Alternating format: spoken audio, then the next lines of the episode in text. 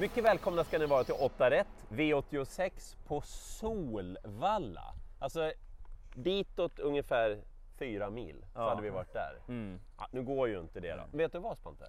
Nej. Jag har fyra spikförslag den här gången. Ja, du ser. Du tar igen för de två tidigare Ja. veckorna. Ja. Hur många har du? Ja, men det finns ett gäng alltså. Det är ju lite för många betrodda som har bra chanser kanske för att man tror på den där lite högre Mm. utdelningen den här gången. Men det är ju fantastiskt fina hästar som kommer visa upp sig. Och som sagt, ja, det finns potential för någon skräll i mina lopp också, Mm. så låt er inte luras. Eh, vi kör igång då, V86 första avdelning. Det är Icelands lopp och jättefavoriten är Konrads Rödluva. Nej, Ja, nej, okej. eller ja, jag vet inte. Ja, men, Ja. Hon är jättefavorit Konrads Rödluva Mm. och hon var jättebra senast. Men frågan är hur det blir kört. Alltså Timo Nurmos, han rapporterar väldigt positivt kring nummer tre Intiboko.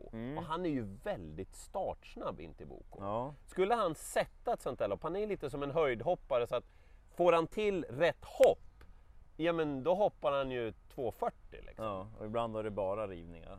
Mm. Tack. Eh, Så jag tycker den är spännande och sen orkar jag prata om sju lawmaker och barfota balans. Ja, kan vi få den där barfotan nu? Det har ju varit anmält barfota flera gånger men då har det varit olika anledningar till att man har valt att behålla skorna på. Då. Vi är ju väldigt spända på om det skulle bli barfota. Mm, för det är en häftig häst det där. Sju lawmaker, han kan springa överljudssnabbt. Låter inte luras att tro något annat. Det där är en kanonhäst alltså. Men han ska få till det också. Så att, alltså, det troliga är att Konrads Rödluva vinner, men eftersom hon är så jättestor favorit så provar jag att gardera. Ja, förstår. Andra avdelningen då? Eh, Då är det mer Örjan Kihlström i huvudrollen tror jag. För Ja. Då har han favoriten i fyra You could be mine och man hade väl velat ägt den här. Eh, det är en... Vi tror väl att det är en kanon? Ja, det känns ju verkligen så. Häftigt intryck varenda start hon har gjort, mött bra hästar. Och senast så vart det ju ganska billigt, men hon såg strålande ut. Hon Mm, har ju lite Åbrås på också, hon är ju syster med Axel Rose bland annat. Och mamma Linda Kanonfin ung häst som tävlar mestadels i Italien. Mm, tjänat över 4 miljoner redan. Mm. Och mamma Linda Di Casey, hon var inte så pjåkig heller. Så hon tjänade över 7 miljoner. Så att, eh, ja, hon har Åbrås på bra uppgift. Jag tycker motståndet, ja men de är okej de flesta. Mm. Men hon är lite extra så att jag är inne på att det är spik på You could be mine. Annars så vill jag nämna åtta Vanessa Face om man tar ett par stycken. Skulle vara rycktussar där troligtvis. Den. Kan ju ge effekt och skrälla men då tror jag favoriten får ha en sämre dag. Så fyra och kanske åtta. Precis. Ja. Tredje avdelningen, tyvärr bara fem hästar med i Rikki Tikki Tavis lopp. Mm. Och ni ser ju själva ungefär vilka som kan vinna. Jag tror väl inte att ett Cup of 10 vinner loppet. Nej. Men de andra kan ju vinna. Jag vill ändå framhålla fyra Titan Yoda. Den hästen, alltså den har synnerligen god styrka, en härlig inställning och kurvan pekar spikrakt uppåt. Mm.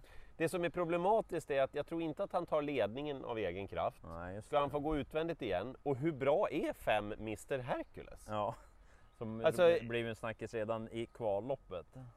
Jag vet inte. Det jobbiga, vet ni det? Med att Mr Hercules startar, det är ju att Örjan Kihlström kör. Ja, Ja, jag vet ju inte hur han har tänkt att lägga upp det här med Nej. Mr Hercules. Han kanske är nöjd att bara åka med, eller så bara kör han från start och så bara swishar han förbi allihopa. ja, Jag tycker att hästarna 4 och 5 lite bättre än de andra. ja, jag förstår. Så jag nöjer mig med de två. Mm. Då har vi ett stabilt lås Ja, omgången. ja. Avdelning 4 sen då, här har man ju Alltså, vissa hästar så tycker man att ja, men, man kanske sätter dem i ett fack men sen kan man ju ändra sig och det har jag verkligen gjort vad gäller favoriten.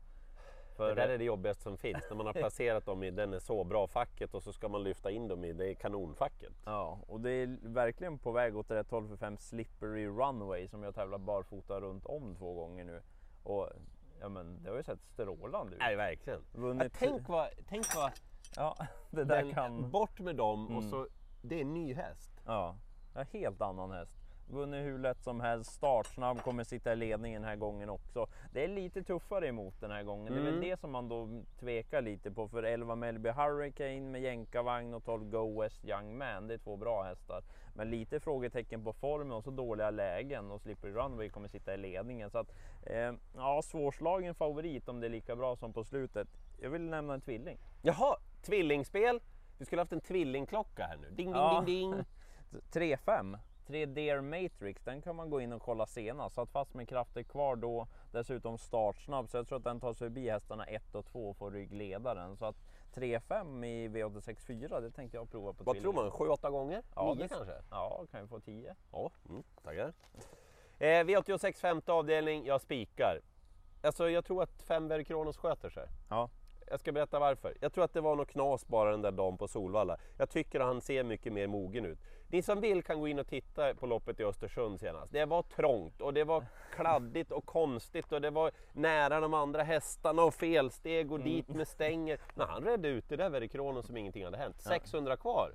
Då vart han så frisk så då körde han ju upp i vagn Erik Adielsson på den framför. Ja, han hade ju verkligen anledning att galoppera Exakt, han hade senast. alla Mm. chanser att ta den där galopputvägen, mm. Kronos, men han gjorde inte det. Nej. Clickbait, han förbereds för Sprintermästaren. Man går tillbaka där utrustningsmässigt på Mm. honom. Verikronos är bäst i loppet, jag tror han har mognat. Han vinner det här loppet från alla positioner, men jag tror att han kör till ledningen efter en bit och sen är det över. Vänder vi blad. Och Erik Adielsson var jättenöjd med hästen senast, alltså den avslutningen. Ja, det var Mm. svettigt. Eh, avdelning 6, här kommer ju lite av mitt drag i omgången. Du vet att jag brukar gilla när Örjan Kihlström har kört den här som gick bra till slut. Ja. Och när han kör den igen. Och det- så är det ju nu med fem Phoenix Foto i avdelning 6. Det var ju snack om den senast, barfota bak på Mm. V75 men man hamnade ju lite i ingenmansland Ja, där det bak. Det, fel. blev för Det långt fram och så är ju Örjan sådär att ja, men jag kan bli trea nu säger han och så blir man trea på ett liksom bra vis utan att maxa för fullt. Och så kör Örjan igen nu så att jag är väldigt inne på Phoenix Foto. Det är ju de här betrodda som har bäst chans i det här loppet men ja, jag är sugen på att spika Phoenix Foto. Det... Ska vi kolla hur det låter? Ja, vi kollar med Vi fan. ringer Svante Eriksson. Mm.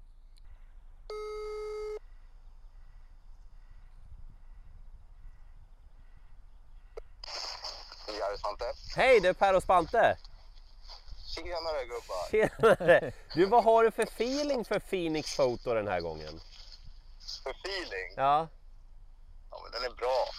Riktigt bra faktiskt. Jag tyckte att han eh, gjorde det så pass bra sist att skulle han göra en likvärdig prestation och eh, det löser sig lite lopp imorgon så borde han ha bra chans.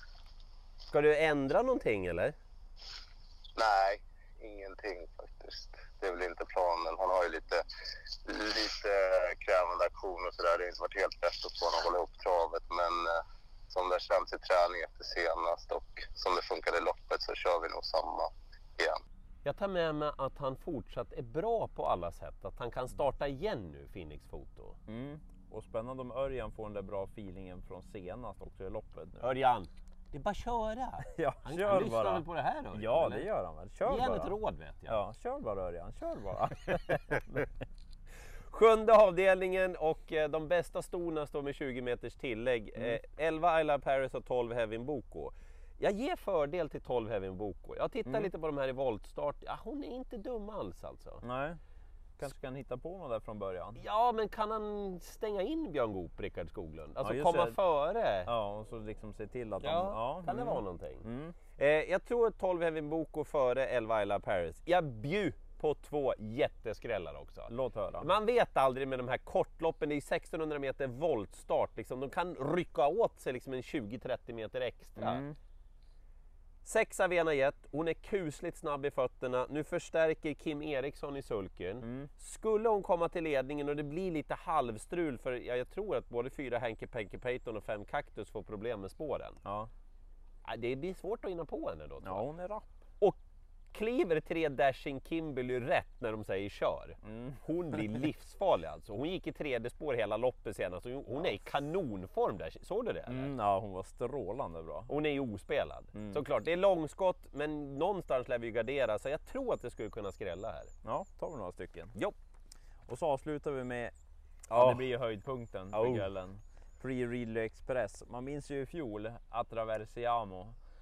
Och, Han gick världsrekord. Ja, det var fantastisk prestation. Och det är inga dåliga kusar i år heller. Nej.